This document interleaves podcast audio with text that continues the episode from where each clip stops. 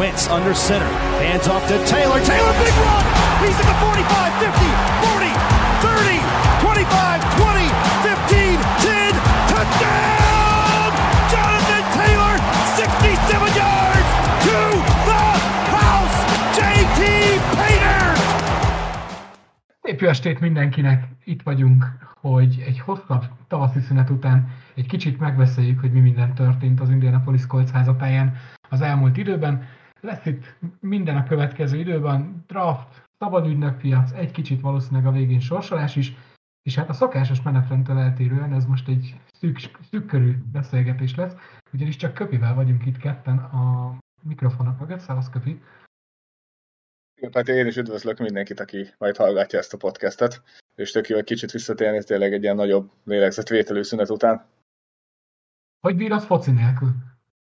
Fú, nehezen, nehezen. Pörgetem a meddent, abban már azért nagyon-nagyon előre tartok, már nem is tudom már hol tartok, talán 2028-29-es szezont játszom. Megtaláltam egy másik nagyon jó játékot, amit ajánlok mindenkinek, az egy ilyen nagyon-nagyon low budget uh, menedzser játék. Nem tudom, akik a foci menedzseres játékokban otthon vannak-e, ilyen kis gomfocis uh, sztorival kell irányítani az embereket, és akkor igazából ami, ami a, a nehéz része, az az ilyen háttérmunka, az, hogy igazoljál játékosokat, hogy uh, hozzál, ugye középiskolában, mert ez ilyen uh, egyetemi sztori, és akkor, és akkor az egész csapatot kell menedzselgetni. Abban is már 2030 körül tartok, meg aktívan figyelem követem a magyar bajnokságot is, de hát tehát nyilván az őszt várom én is már nagyon.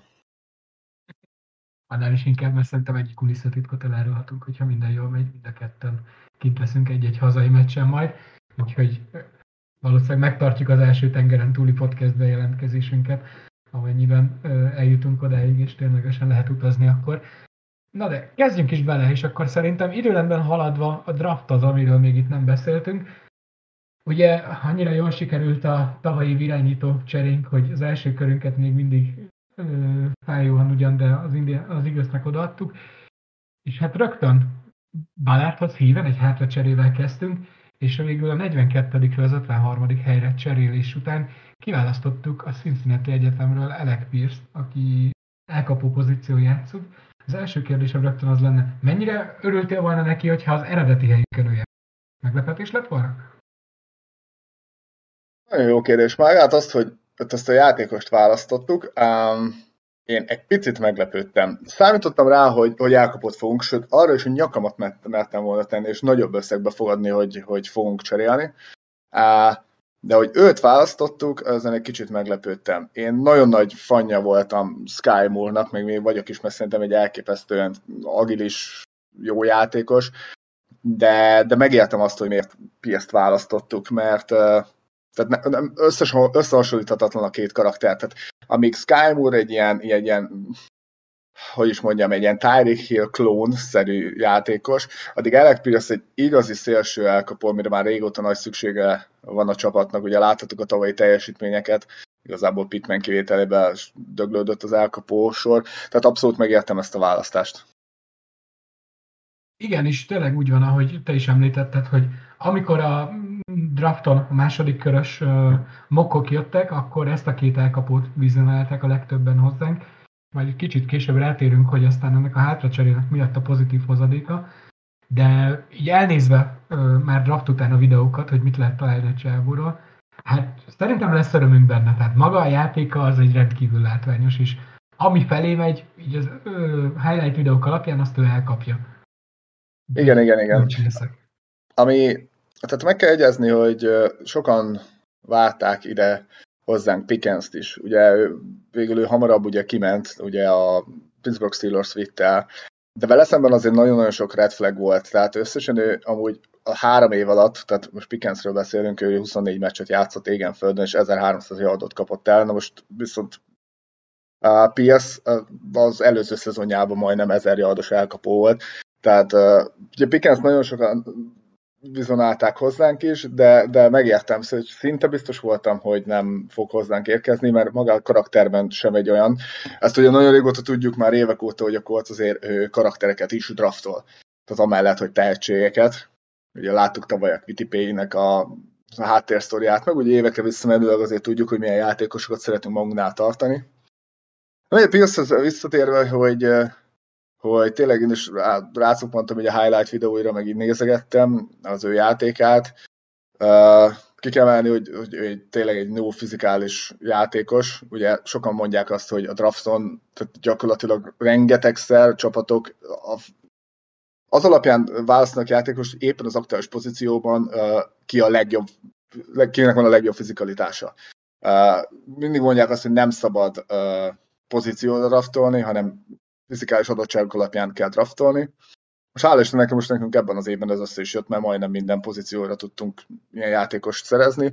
Ugye 6-3 magas, ami azt hiszem 190 valány centiméter, meg 95-6 kiló a srác, és elképesztően gyors ahhoz képest, nagyon-nagyon jól játszik, és uh, még ahhoz képest is tök jó highlightjai voltak a gyereknek, hogy de nem egy jó irányítója volt a Cincinnati-nek. Attól függetlenül ugye a Cincinnati nagyot ment, tehát ugye negyedik kiemelt volt a, a tavalyi szezonban, azt hiszem a 89 játékosát idén elvitték a drafton, ami ilyen top volt ugye az, az egész iskola történetében, de azért Desmond Riddle nem az a óriási QB tehetség, tehát azért nem volt annyira kiszolgálva így az egyetem során, nem véletlenül Riddle Falcons vitte el, ha jól tudom, valahol a harmadik körben. Úgyhogy Úgyhogy nagyon-nagyon kíváncsi leszek rá, mert tehát, a legaz, tehát valamiért azért nyilván második körös lett. Az meg azért, mert nagyon sokan azt mondják, hogy az útvonalai nagyon szükségesek, hogy ő egy ilyen, uh, ilyen fly VR, tehát ez, csak, hogy ez a, tud, ez a bazd előre fuss utána típusú játékos, végigszalad a szélen, aztán feléveled neki, és hogy nagyon-nagyon kevés ilyen yard after catch hozott. Nyilván ezt majd meglátjuk, de én, én nagyon bízom benne, hogy ezek a limitációk, amik voltak egyetemen, azok azért voltak, mert nem volt mögött olyan irányító. Azért Matt ryan véletlenül sem lehet egy lapon említeni egy Desmond riddle igen, és a másik dolog, ami, ami szerintem egy fiatal elkapónál mindig fontos, hogy alapvetően nem fogja szétveretni mert Ryan vele. Tehát ha kicsit is az van, hogy érkezik nagy sebessége egy safety, inkább nem dobja meg neki a labdát, és nem az van, hogy úristen, még egyszer ilyet nem futok, mert akkor kaptam, hogy a fehér vonalból kellett utána összekaparni engem. Amit még vele gyakran mondanak, hogy, és egy nagy kérdő, hogy el tud egyáltalán indulni a line of tehát itt azért sokkal jobb, jobban gemelik a cornerbackek az elkapókat, de hát Stefan Gilmore-ral valószínűleg az edzőtáborban majd ezt fogja tudni gyakorolni és csiszolni, mert ö, lesz konkurencia már rögtön az elején is, hogy beleszokjanak, vagy felszín. Igen, igen. Igen, ez mindig is egy jó kérdés egyébként például ilyen elkapóknál, hogy tehát azért tehát az, abban a ligában, ahol játszott az American Athletic Conference, az AAC-ben, de azért ott a Cincinnati végig dominált keményen, 13-1-es szezont hozott, és tök jó highlight videói lettek például a PS-nek. Most itt például jön megint az a kérdés, hogy oké, okay, de ki ellen? Tehát az egyik le, tehát ilyenek, mint a Navy, az SMU, az East Carolina, tehát, tehát egy ilyen ligát domináltak szét, és amikor jött az első olyan meccs, ahol, ahol a, ahol tényleg fel kellett mutatni, hogy kik vagyunk, ott azért kaptak egy 27-6-os verést az Alabamától. Igen, ilyenkor ez például a draftnál, meg mindig, mindig is egy ilyen necces és érdekes kérdés, hogy kik ellen mutatott, tudod, ilyen jó játékot, de én bízom benne, hogy, hogy, hogy őt nem véletlenül választottuk ki. Igen, és hát óriási szerencsénk volt, hogy hátracsere után Nidre még gyakorlatilag ott is maradt ő, mint egy igazi kolc karakter. Aztán ez mindig kérdés, hogy ez vajon szerencse, vagy itt már gyakorlatilag jól sikerült kipundálni, hogy mire készülnek a csapatok, de szerintem ez mindenképpen egy örömteli helyzet. Ugorva a következő mm, választásunkra, ugye a harmadik körben három játékost is hoztunk, és az első mm, pickünk az a Washingtonnal való csere után a 73. helyen érkezett, Jelani Woods Titan Virginia Egyetemről. Hát ha valakiben van potenciál, akkor ez a srác igen, igen, igen, még délután írogattam, emlékszetek itt a chatben, hogy van egy ilyen táblázat, ami alapján a játékosokat szokták osztályozni 1-től 10-es skálán, így a fizikai adottságaik alapján, és Jelani Woods volt az egyetlen, ha jól emlékszem, az egész draft classben, tehát több száz vagy ezer játékosról beszélünk, aki minden egy tízest kapott. Tehát egyszerűen a, a, az ugrás, futás, minden, amit el tudsz képzelni, minden tízest kapott. Innen is szeretnék egyébként gratulálni Széchenyi Tominak az Endorantról, hogy bemokkolta hozzánk, és sikerült is neki eltalálni. Tavaly, tavaly is Kyle Granson találta el, idén meg Johnny Woods, neki nagyon megy ez a Titan találat, így ha a kolcról van szó. Visszatérve igen Johnny Woodsra, tehát az, hogy a fizikalitását azt mindenki kiemeli. Uh, muszáj volt titan hozni, mert ugye Doyle visszavonult sajnos. Viszont sokan nem szeretik Johnny Woodsot, majd hallgassátok meg Hörinek a, a, az értékelőt is erről a pikről. Uh, tehát ő is, meg sokkal egyébként egy Moali Coxot látnak benne, ami, ami nagyon fájna, ha az lenne, mert azért köztudottan én is, meg ugye Feri is például nagyon nagy móhéterek vagyunk, Uh, én, én Dulcicsot választottam volna a UCL-éről, mert ő talán jobban bele volt vonva a passzjátékba. Tehát én például egy, egy, egy, ebben a modern futballban a Titan pozíciót inkább elkapónak szeretném látni a csapatomnál, mint, mint egy ilyen blokkoló játékosnak, és azért Woods tehát az, az, éveiben szinte végig blokkolt főiskolán, még Dulcicsot például végig az UCL-ében sokkal inkább belevonták a passzjátékba. Uh, aztán reméljük rám cáfol, és sokkal jobb lesz. Igen, azt azért nem kell elfelejteni, hogy ugye Doyle, akinek kvázi az örökségbe szeretnénk, hogy lépjen, egy ligálig blokkoló volt, és most ugye nincs ilyen a csapatban, tehát sem Granson, sem pedig Molly Cox nem egy jó blokkoló Titan, úgyhogy mindenképpen szükségünk volt egy ilyenre. Arra pedig még rácsatlakozva, hogy így mindenki értse, hogy mennyire fizikális szörny ez a srác, akit leigazoltunk. Ugye az előbb már beszélt Alec Pilzhez képest, két tizeddel futott 40, 40 yard, két tizeddel futott lassabb 40 yardos időt, úgy, hogy ő 200 cm és 115 kg, tehát hogy nem egy ilyen vékony dongájú, alacsony gyerekről beszélünk, és viszont félelmetes a végsebessége. Cserébe viszont 24 éves, tehát hogy itt nem az van, hogy még majd lesz idő csiszolgatni vele, bár ezt sokan fel, vagy egy helyen olvastam, ahol felhozták, hogy mivel a Titan alapvetően később érez, még lehet nekünk ilyen szempontból jobb is lesz, hogy már közelebb van ahhoz a körhöz, amikor igazán nagyot fog tudni ugrani, de azt nem vitatja senki, hogy de szükségünk volt. Abszolút szükségünk volt, mert Hát nem tudom eldönteni, hogy például Kylen Granson, tehát Kylen Granson tavaly évét nehéz uh, megmondani, mert ugye nem, alig láttuk a pályán. Tehát most hirtelen meg nem mondom neked, de valami szintén nem néztem utána, hogy hány snapja volt, de na, nagyon kevés. Tehát tőle is előrelépést várok, meg, meg idén is szeretném látni, hogy Johnny Woods be, bevegyük a játékba. Nagyon-nagyon hiányzott szerintem tavaly Gransonnak a forgatása. Tehát az biztos, hogy a, ugye ez szinte szabály, hogy legalább kettő-három passznak Móli Kaxfelék mennie kell meccsenként, tehát ezt muszáj, de azon kívül legalább remélem őt is ezeket, ezeket, na, Gransont is és Woodsot is beforgatjuk forgatni a játékba. Ez amúgy soha nem jelent jót a Gransonnak, vagy bármelyik játékosnak, hogyha hoznak viszonylag magasan téged egy draftban, majd a rákövetkezőben ismét a te pozíciókra húznak, tehát elkapónál sem feltétlen, pedig ugye abban három van a pályán, Titanből azért nagyon maximum kettő. Tehát, hogy én, én azt érzem, hogy valószínűleg tőle nem azt kapták, amit vártak. Igen, igen, egyszer én is egyetértek veled, hogy tehát valószínűleg nem azért nem láttuk őt a pályán, mert nem oszlott meg úgy a snap, hanem valószínűleg nem tudott olyat teljesíteni, hogy a pályára kerüljön. Nyilván ez várható volt, tehát ugye Pitman után is hoztunk elkapókat, tehát hát viszont az meg annyira, annyira need pozíció, hogy oda muszáj volt még mélyíteni a keretet, és, és igen, tehát lehet, hogy Gransnak nem, nem, nem jósolok nagy jövőt itt, de majd meglátjuk. Ezen a ponton sajnos a Discord szerverek hibáztak, úgyhogy kis megszakítás után folytatjuk.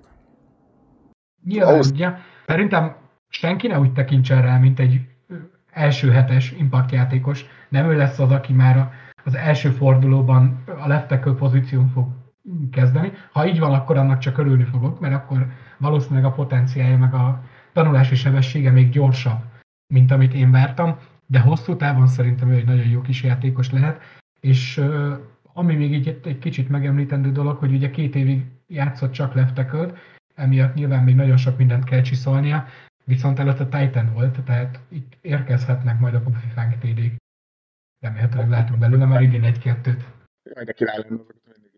Egyébként még hozzátenném ahhoz, amit mondtál, hogy teljesen egyetértek veled, és egy nagyon valid állítás az, hogy hogy ezek a játékosoktól nem kell azt várni, hogy rögtön berobbannak a csapatba, és azonnal playmaker húzó nevei lesznek a, a, a csapatnak. Uh, tehát ugye nyilván az, hogy nem volt első körünk, második, harmadik körbe, harmadik körbe három játékost húztunk, tehát ezek mind uh, projektek. Tehát valamelyik uh, hosszabb távú projekt, valamelyik rövidebb távú projekt azért, hogy kezdő legyen, Tehát senki ne gondolja azt, hogy ezek úgy fognak belobbanni a ligában, mint a tavaly a Jamar Chase például. Tehát ezt azért ne várjuk el tőlük. Nem véletlenül van, kerültek kiválasztás a második, harmadik körben. Ezt, ezt mindenképp hozzá kell tenni. Igen, és ugye Jamar Chase pedig az első kör teteje, tehát hogy igen, igen, igen. nagy minőségi ugrások vannak minden egyes pikkel. Ha belegondolunk, játékosok. Hogyne, ha belegondolunk, tehát azért Quitipé is első kör végén érkezett hozzánk, és nem volt egy akkor robbanás, nagyon jó szezonja volt, de nem volt egy robbanásszerű, tehát nem változtatta meg annyira a csapatnak a, a defense képét, mint például amikor egy évekkel ezelőtt kiválasztották a Bosa testvéreket, vagy vagy uh, Clevelandben a defensíven, jaj, nem jut eszembe. Miles Igen, a sisakverekedés, igen. Tehát, ezért, tehát nézzétek meg azokat, akik ott választanak, mondjuk top 10-be választanak a drafton, tehát ők szoktak akkor a pluszt adni egyes csapatnak, hogy, hogy playmakeri lehetnek, és akár még húzóneve is lehetnek egy-egy csapatnak. Akik már azért első kör, még akik első kör vége felé is kiválasztásra kerülnek, ők is inkább projektek, de nagyon rövid távú, de inkább projektek. Nyilván minél hátrább annál nagyobb projekt egy játékos. Így van, viszont ha már itt a második és harmadik kört említettük, akkor még van egy harmadik körös játékosunk, őt pedig Nick Rossnak hívják, aki a Maryland Egyetemről érkezett safety, és hát számomra teljesen meglepő módon gyakorlatilag már majdnem a kör végén egyszer csak visszacseréltünk a negyedikből azért, hogy őt elhozzuk, és hát őróla is nagyon egyértető a vélekezés, hogy itt már egy nagyon jó ráérték a játékos. Igen, igen. Hát drága volt, az biztos, mert ugye tehát a visszacserének az értékében benne van egy jövő évi harmadik kör is. Tehát benne azért nagyon-nagyon látni kell valamit, hogy azért még egy jövő évi pikket is odaadjunk érte. Tehát ő, ő free safety-t játszott az egyetemen, és tehát, tehát ő free safety-t játszott az egyetemen, ez miatt a, leg, a legnagyobb negatív dolog, amit hozzá lehet tenni, az, hogy azért voltak ütközéssel problémái voltak, azért misztekülök, amikről lecsúszott emberekről, viszont csak 20 éves. Tehát benne még nagyon sok fejlődési lehetőség van. 4.34-et futott a 40 yardon, ami azért nagyon-nagyon impresszív, és meg ő is egy olyan értelmes játékosnak tűnik. A Good Morning Football nevű műsorban készítettek vele egy ilyen pár perces interjút, ahogy beszélgettek vele a, a műsorvezetők, elég értelmes nyilatkozott, viszont ami óriási negatívum szempontból, szem, az én szememben, hogy egy ilyen nagyon kemény Die Hard Washington fan. Ezt így meg is mondtam, mondom, te hogy lehet ilyen hülyeséget nyilatkozni, miután ledaftoltak. Na mindegy, és, és uh, igaz, most ez egy ellentmondásnak hangzik, de egyébként egy értelmes srác, meg úgy mondta, hogy uh, neki milyen milyen negatív nehézségei vannak, tehát azért ő minél közelebb kerül a, a, a line of scrimmage, az annál jobban kezd elveszni, tehát azért strong safety pozíciót ne várjunk tőle, egy, egy igazi free safety, uh, amire szükséges volt a csapatnak, láttuk, hogy mi történt tavaly, amikor kidőlt uh, Blackmon, tehát azért ott azért volt, volt fejvakarás, hogy, hogy uh, kit hozzunk a helyére. Tehát és ez, ez mélyíteni kellett ezt a pozíciót is. Úgyhogy egy, ez is egy nagyon jó kis pick volt. Ha jól nem érzem, top 3-ban emlegették. Nyilván nem volt egy akkora tehetség, mint a Hamilton, tehát ő nem véletlenül ment ki az első körben. Így van, és ami szerintem nagyon jó dolog, hogy alapvetően most safety poszton meg vagyunk. Tehát mm, nem az van, hogy neki azonnal be kell, be kell állni, hanem tanulhat. És szerintem jó mentorai vannak most itt. Tehát nem kell pályára kerülni, valószínűleg sokat fog az elé special teamezni, ahogy te is mondtad, egy 20 éves játékos jó sebességgel. Én azt gondolom, hogy abban a rendszerben, amit most itt az új defensív coachal játszani akarunk, ő hosszú távon jól fog beleilleni. A négy, a négy játékos közül, akit itt eddig beszéltünk, valószínűleg ő lesz az, akit a legkevesebbet fogunk látni a pályán. Ez biztos. Oké, okay, és akkor ők voltak négyen, akikről kicsit hosszabban akartunk beszélni, de egy-egy mondat erejéig azért említsük meg, hogy kik érkeztek még itt a draftnak a harmadik napján a hátsó körökben. Az ötödik kör 159-es választásával érkezett Eric Johnson, defensive tackle a Missouri State-ről. Őt nagyjából úgy képzeljétek el, mint egy Stuart Kroon. Egy nagyon jó senior volt játszott, és uh, igazából meglátjuk, hogy mit fog tudni majd a pályán. Igen, igen, és nyilván ezt a, ezt a pozíciót is egyszerűen mélyíteni kell. Uh, tehát viszont ő is egy idősebb játékos, ő azért 5 évig játszott a főiskát, azért ez elég, elég sok idő, és uh, nem véletlenül hoztuk őt is, meg a későbbi választáson még egy defensív endet, mert Hát azért, ha Baládnak nagyon-nagyon jó szeme van a játékosokhoz, de az azért visszanézzük az elmúlt évek defense line, főleg belső defense, belső defense line pikjeit, ott azért voltak mellényúlások, tehát talán 2017-ben harmadik körben a Terába sem, ott azért, tehát azért arra szerintem már alig emlékszik valaki, hála jó Istennek, azért a Kemoko Touré, a Bembanoglu, Robert Windsor, tehát azért ott voltak elég kemény mellényúlások. Remélem ezeket minden hamarabb el fogjuk felejteni. Igen, úgy néz ki, hogy a minőség helyett most itt rámentünk a mennyiségre. A következő körben pedig érkezett még egy Titan, Andrew Ogletree, a Youngstown State méltán híres alma máterével érkezett Titan pozícióba. 24 éves játékos, tehát szerintem ilyen statisztikát nem láttam, de valószínűleg az idei drafton nekünk van a legidősebb draft klasszunk. Ugye itt már a sokadik játékos, akiről azt mondjuk, hogy 5 éves, 5 évig járt főiskolára, 24 éves, stb. És hát elég nagy luxusnak tűnik, mert ő most jelenleg egy negyedik számú Titan a drafton. Vagy a csárton. Viszont csak azokból derülhet, minél több játékosod van egy adott pozícióra, annál jobban lehet őket megforgatni, és annál jobban, de hamarabb derülhet ki valamiktől, hogy instant kezdő. Én megmerem kockáztatni, hogy például a Titan pozíción nincs eldöntve, hogy ki az instant kezdő.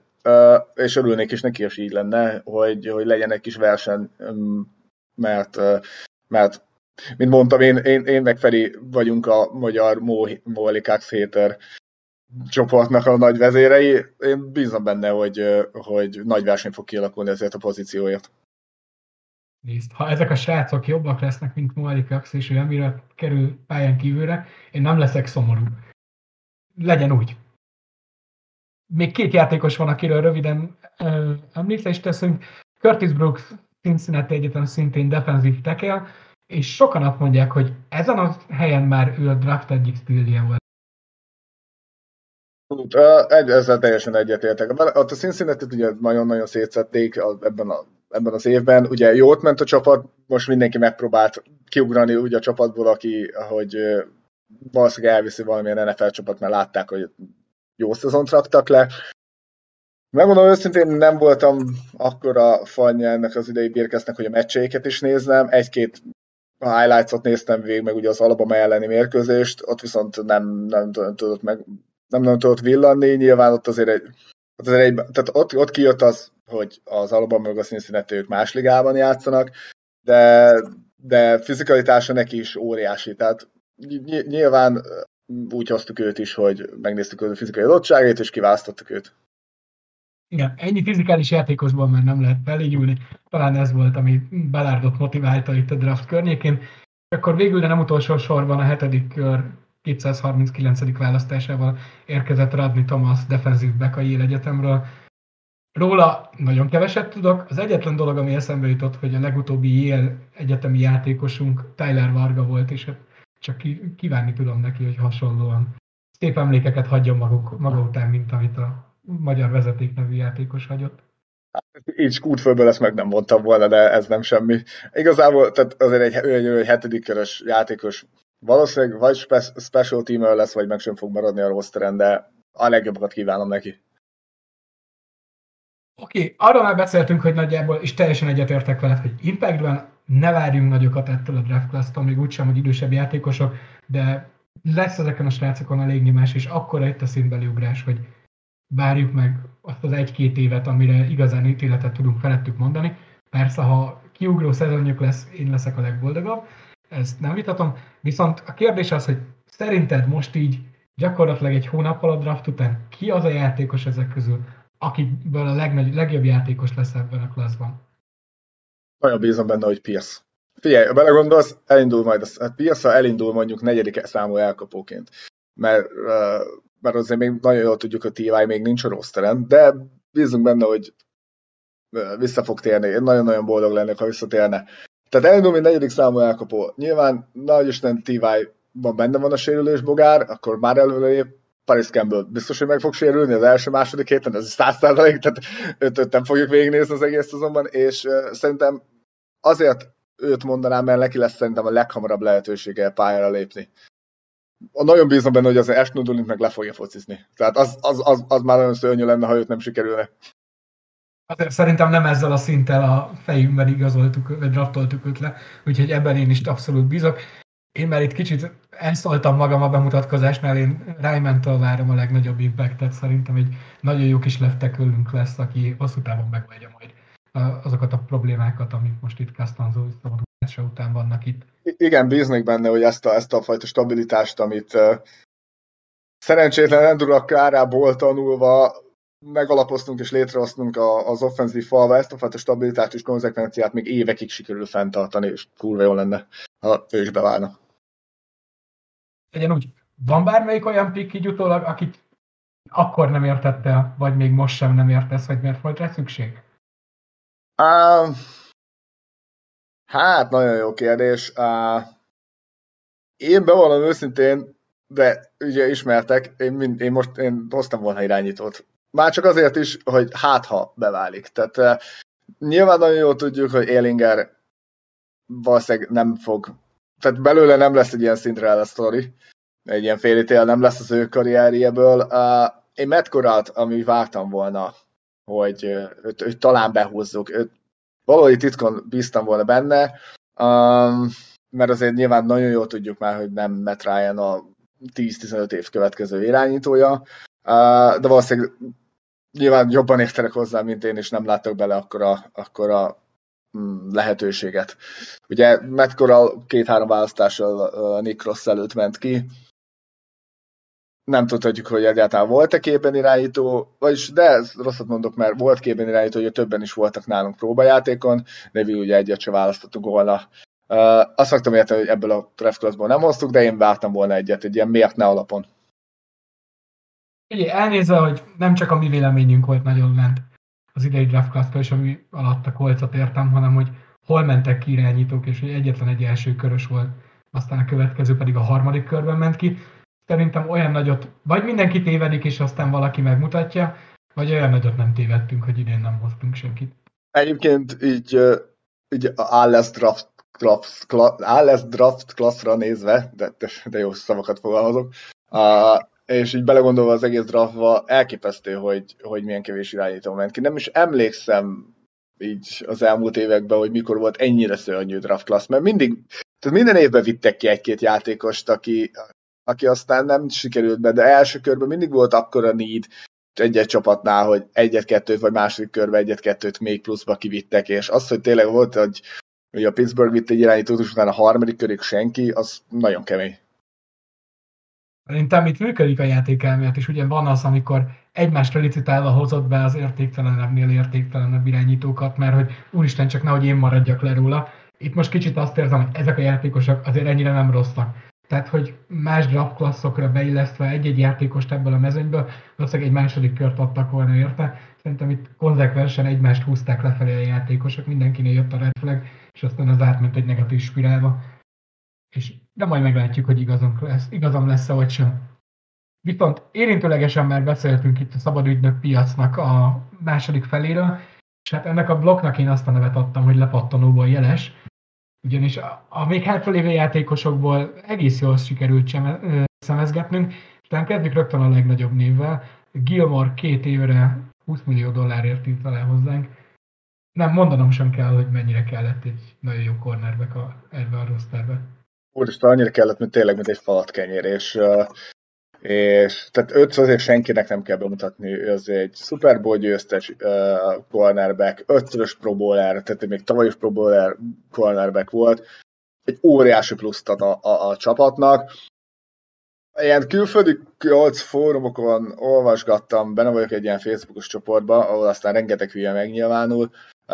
Sokan mondták, hogy jaj, hát vagy nem sokan, de pár hang mondta, hogy hogy őt miért kellett hozni, tehát ugyanaz lesz, mint Róca, hogy egy ilyen lepattant irányító. De hát azt azért tegyük gyorsan ebbe a fejekben, hogy ők azért sose voltak egy polcon. Róc meg, meg, meg Gilmore. Gilmore most sokkal nagyobb nevű játékos, és, és nagyon-nagyon örülök az ő választásának, hogy sikerült meggyőzni, hogy nálunk folytassa tovább. Nem beszélve arról, hogy szerintem Rócra sem lehet összességében panaszunk. Nem, a éves teljesítményére nem. Úgyhogy Nyilván tök más karakter mm, abban is, hogy miben jó. Azért az, amit, ahogy igazoltunk, tehát az, hogy jött az Engekui defenzívenbe, jött a Gilmore, ez még anélkül is, hogy tudnánk és ismernénk a defenzív edzőt, előrevetíti, hogy itt azért nagy sémabeli változás lesz, és nem azt a erősen zónázós játékot fogjuk hozni, amit eddig csináltunk. Tehát ne... Nagyon-nagyon kíváncsi leszek rá. Igen, és ne legyen szerintem elvárás az, hogy a tavalyi eredményt amúgy is nehéz lenne megismételni, tehát azzal rengeteg labdaszerzéssel, de itt most idő kell a játékosoknak is, amíg, amíg megtanulják, és aztán majd a sorsolásnál erről beszélünk, hogy ez mennyire ideális vagy sem. Viszont akiről még érdemes szót ejteni, az Philip Lindsay, aki egy talán már kicsit megkopott fényű running back. Ő ugye pár évvel ezelőtt a Denverben volt egy ilyen óriási történet, hogy mi az, undrafted játékosként került oda, és utána azt hiszem, hogy rögtön az első évben egy 1000 yardos szezont hozott, vagy egy 1000 yard körülit. Ugye őt most már bőven a draft után összereztünk meg. Nekem egyelőre nem tiszta, hogy mi a célunk vele. Ő most csak egy plusz játékos lesz, aki ad némi tudást majd a, a running back roomba, vagy pedig Heinznak a kicsit megváltozik a pozíciója azáltal, hogy ő most ide érkezett.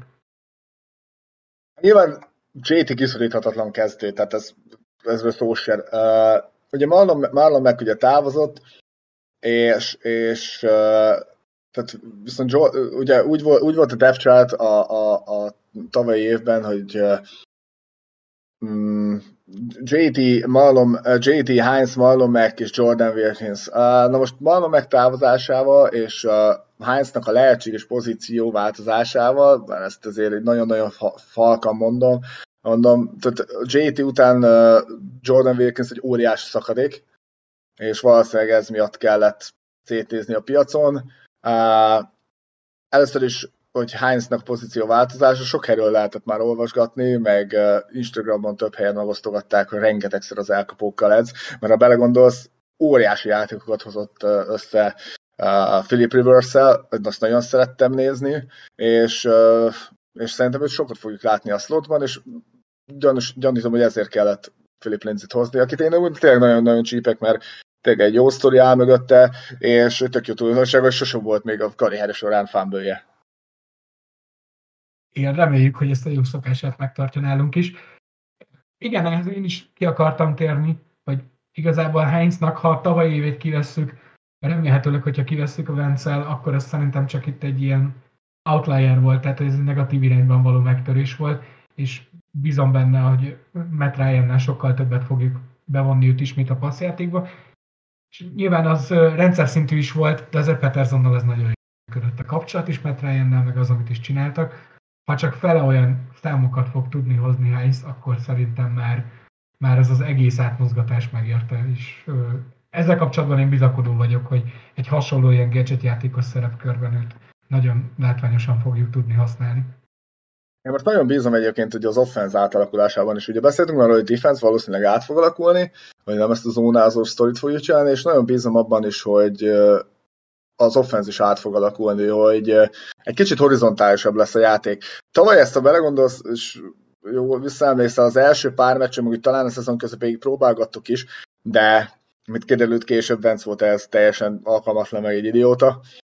És bízom abban, hogy kicsit meg fog nyúlni a pálya, azzal kapcsolatban is hoztunk egy ilyen speedster elkapót, azért Pitmannek, Pitmanbe azért most már kiderült, hogy lehet bízni, mint első számú elkapó is akár, reméljük, nagyon-nagyon bízunk, nagyon jó lenne, hogy Tívá is uh, vissza fog térni, és hogy Heinz kimozgatjuk a slotba, és ottan fog indulni, vagy uh, lesznek olyan, olyan checkdowns játékok, vagy ilyen running back rútok, amiket uh, rá fogunk bízni. Nagyon bíznék benne, hogy tényleg átalakul egy kicsit az offense, és levesztük a terhet j és nem fogjuk egész szezonban agyon üttetni.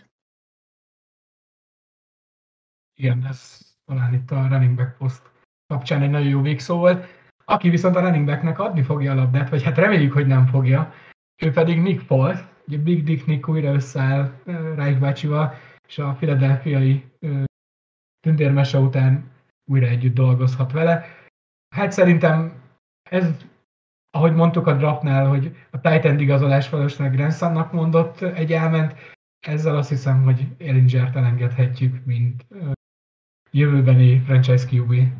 Igen, igen, pedig ha emlékeztek, én azért nagyon szurkoltam nekik, meg mai napig nagyon szurkolok neki, mert, mert nagyon nagy texasos vagyok, és őt, őt bírtam, meg, meg meg szerettem a játékát, de valószínűleg ő, ő sose fog még talán egy backup szintet sem elérni, már csak a méretbeli hiányosságai miatt sem. Hogy ott 1,82-3 magas a gyerek, tehát ott azért, ott azért, ott azért nehéz elhaigálni a Donaldok meg hasonló játékosok fölött. De igen, valószínűleg neki is így beteszi a kaput, hogy Foles érkezett.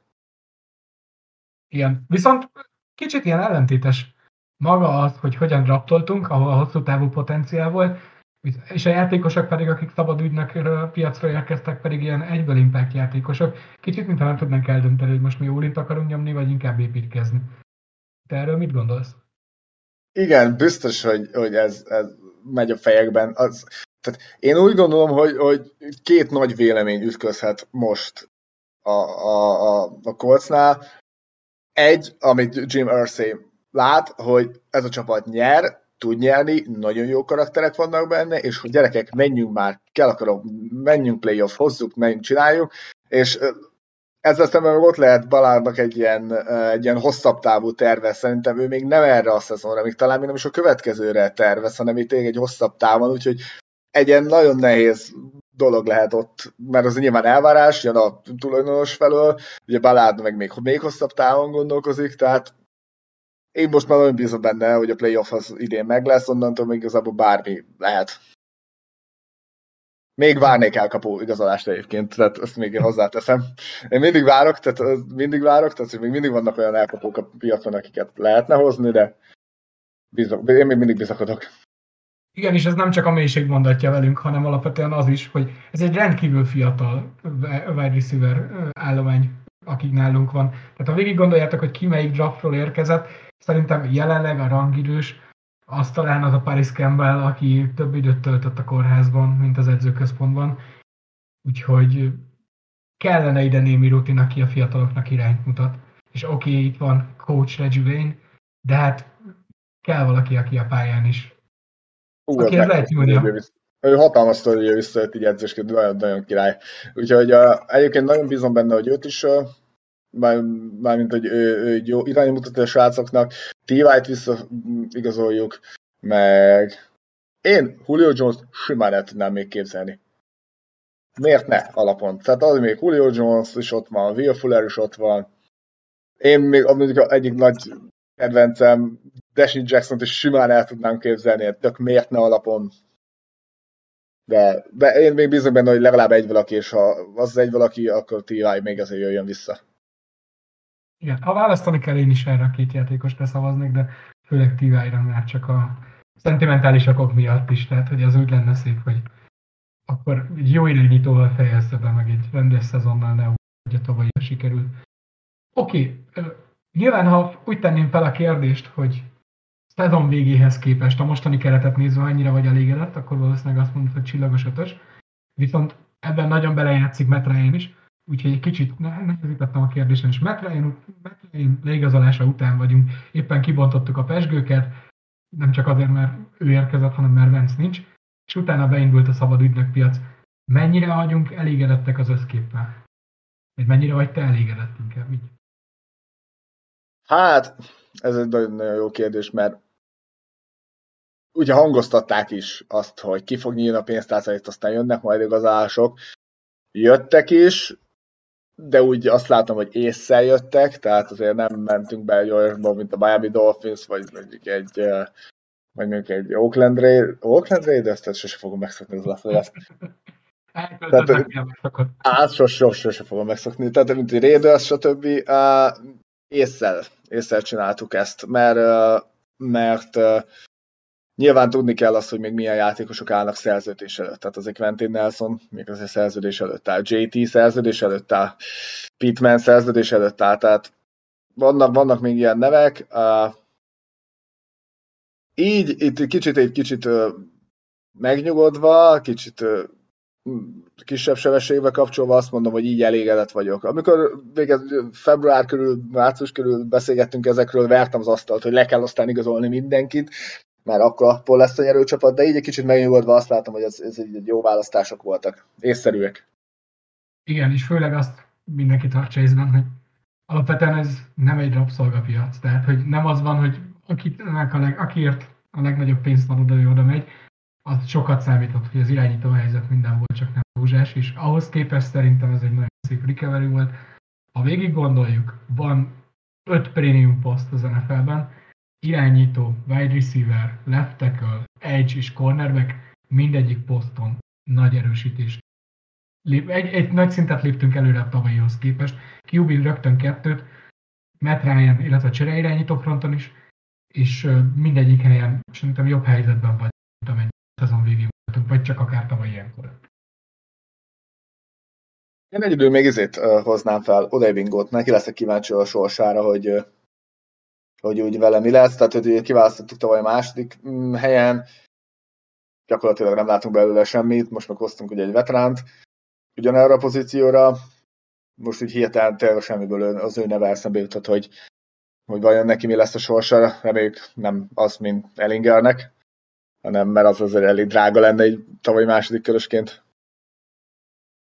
Neki azért egy elég hányatatott sorsa volt, ugye sokáig az sem volt biztos, hogy egyáltalán pályán tud elépni tavaly.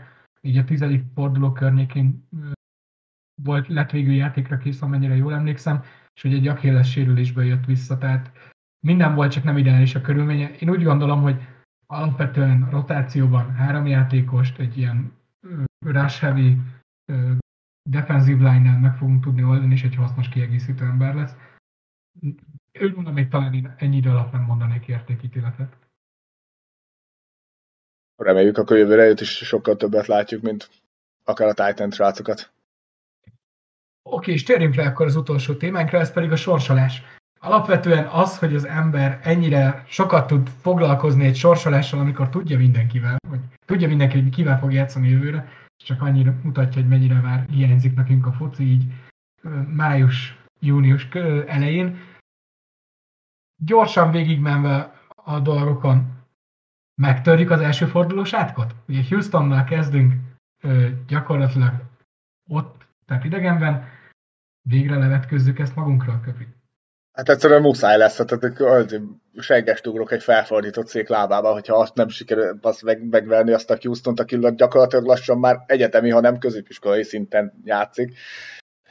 Hát egyszerűen muszáj lesz. Az első két fordulót muszáj behozni. Óriási előnyből indulnánk, ha sikerülne az első két fordulóban nyerni, mert mind a kettő AFC South match, és mind a kettő egy relatív gyenge csapat ellen van gyenge csapat ellen lesz.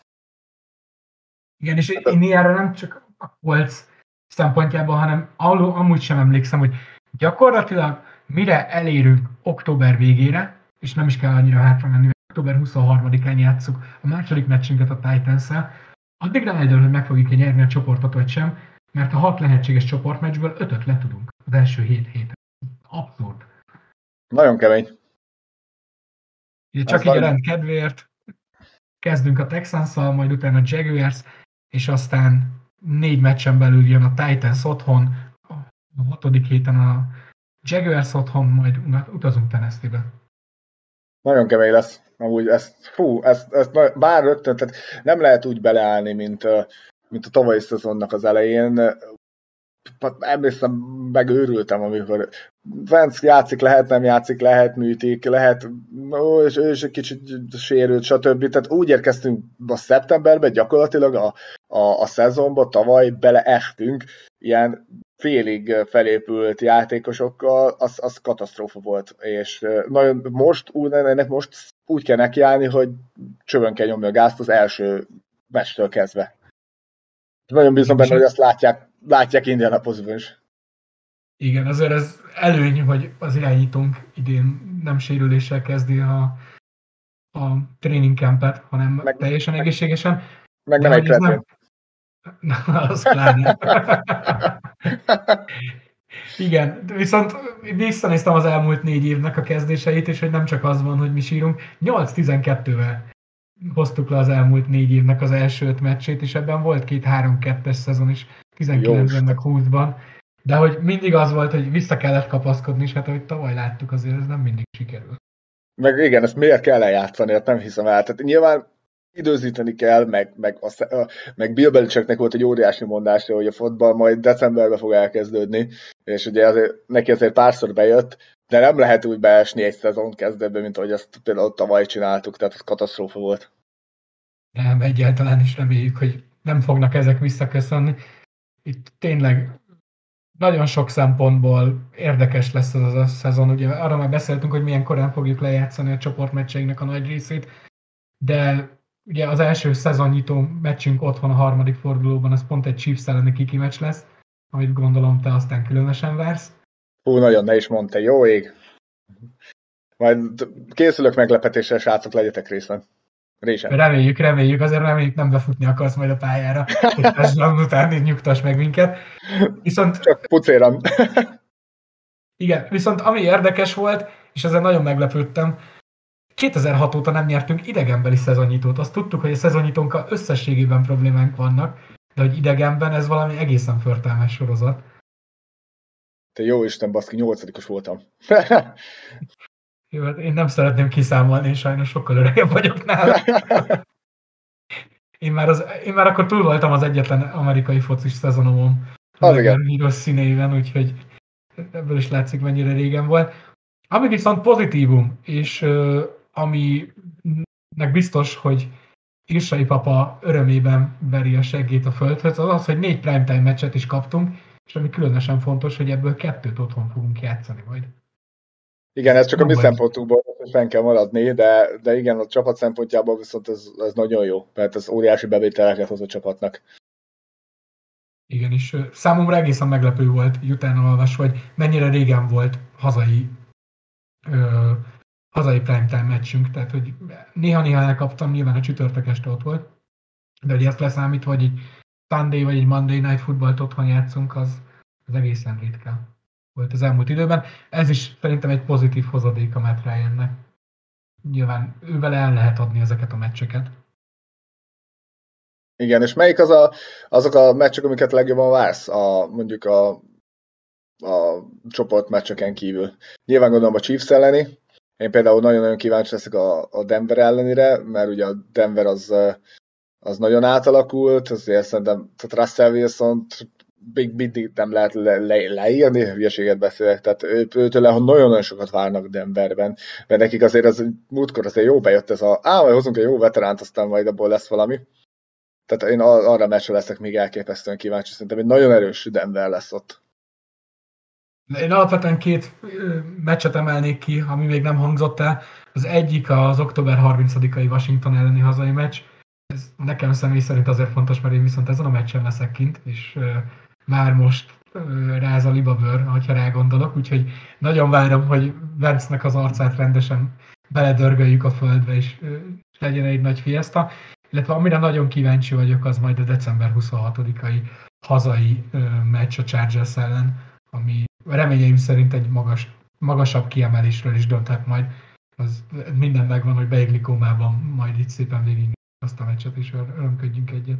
Igen, igen, igen, és nagyon jó csapat a Chargers. Szerintem, egy, szerintem én megmerem kockáztatni, hogy óriási fekete ló a következő szezonra, mert Herbert, Herbert kurva jó játékos, maga az állomány is tudott erősödni. Én, én, én szerintem ők playoff részvevők lesznek a következő évben. Igen, és még nem is hívnám őket fekete lónak, tehát hogy azzal, amit erősödtek, és most, hogy ugye Bolzának a másik oldal most már lesz Peszves, nem is akármilyen, ugye felül meg szerezték meg a másik oldalra, az egy óriási plusz lesz nekik, úgyhogy én, én azt nagyon várom, szerintem az a szezon egyik legjobb meccse lesz, és remélhetőleg egy végig izgalmas. És Abban viszont százszerzalékig biztos vagyok, hogy Bence egyből rávágta volna a november 6-ai Petsz elleni meccset, tehát ő biztos azt várja a legjobban. Igen, igen, igen. Amúgy még akkor kint leszek Amerikában, és néztem rá jegyet. Hát valami egészen. Tehát, hogy alapból a Petsz körül van egy hype, gondolom New York miatt, még, vagy közel van New Yorkhoz, tehát ez még inkább hat is az jegyekre, de hogy valami 5-600 dollár volt a legolcsóbb jegy, és az tényleg a kakasülőn ülsz egy oszlop mögött, ahonnan kb. a pálya se látszik, úgyhogy ez nem magyarországi pénztárcákhoz van szabva, úgyhogy majd Abszolút. megnézem egy kocsmában. Abszolút a Chiefs elleni mérkőzésre is. Én ugye oda tervezek kimenni nászútra, most minden összejön. A Chiefs elleni mérkőzésre sikerült megszerezni egy egyetet, ott is azért óriási skálán megmozgott az, hogy hol, hova lehet és milyen jegyeket venni. Brutális árak vannak, és hihetetlen volt. Egyik is érdekesség zárójába hozzáteszem, de még nem akarok sokat elmesélni. A jegyvételtől számított 10-12 órával vettem meg a jegyet, és ott például az összes parkolóhely elfogyott. Addigra. Tehát nagyon-nagyon kíváncsi leszek rá, de majd jelentkezek mindenféle videókkal, képekkel, ígérem. Helyes, helyes, de ki, hogy hol adják a legjobb hamburgert a telgéten, mert nem sokkal utána én is megyek. Oké, okay, köszönjük mindenkinek, hogy ennek már az egészen személyesre fordult epizódnak a végét is meghallgattátok. Fogunk még szezon előtt biztosan érkezni, még ugyan Höri nem tud róla, de szeretnénk megkérni, hogy csatlakozzon hozzánk egy szezon felvezetőre. Bizakodunk benne, hogy sokkal pozitívabb hangulata lesz ennek, mint a legutóbbi szezon értékelőnek, amikor igazából a minden szarcímet is adhattunk volna neki. És hát mindaddig, ami, ami bármi fontos történik a kolcázatáján, akkor pedig kövessétek a Facebook oldalunkat, vagy pedig beszélgessetek velünk a Discord csatornánkon. Köszönjük, hogy meghallgattatok minket, sziasztok! Sziasztok, sziasztok!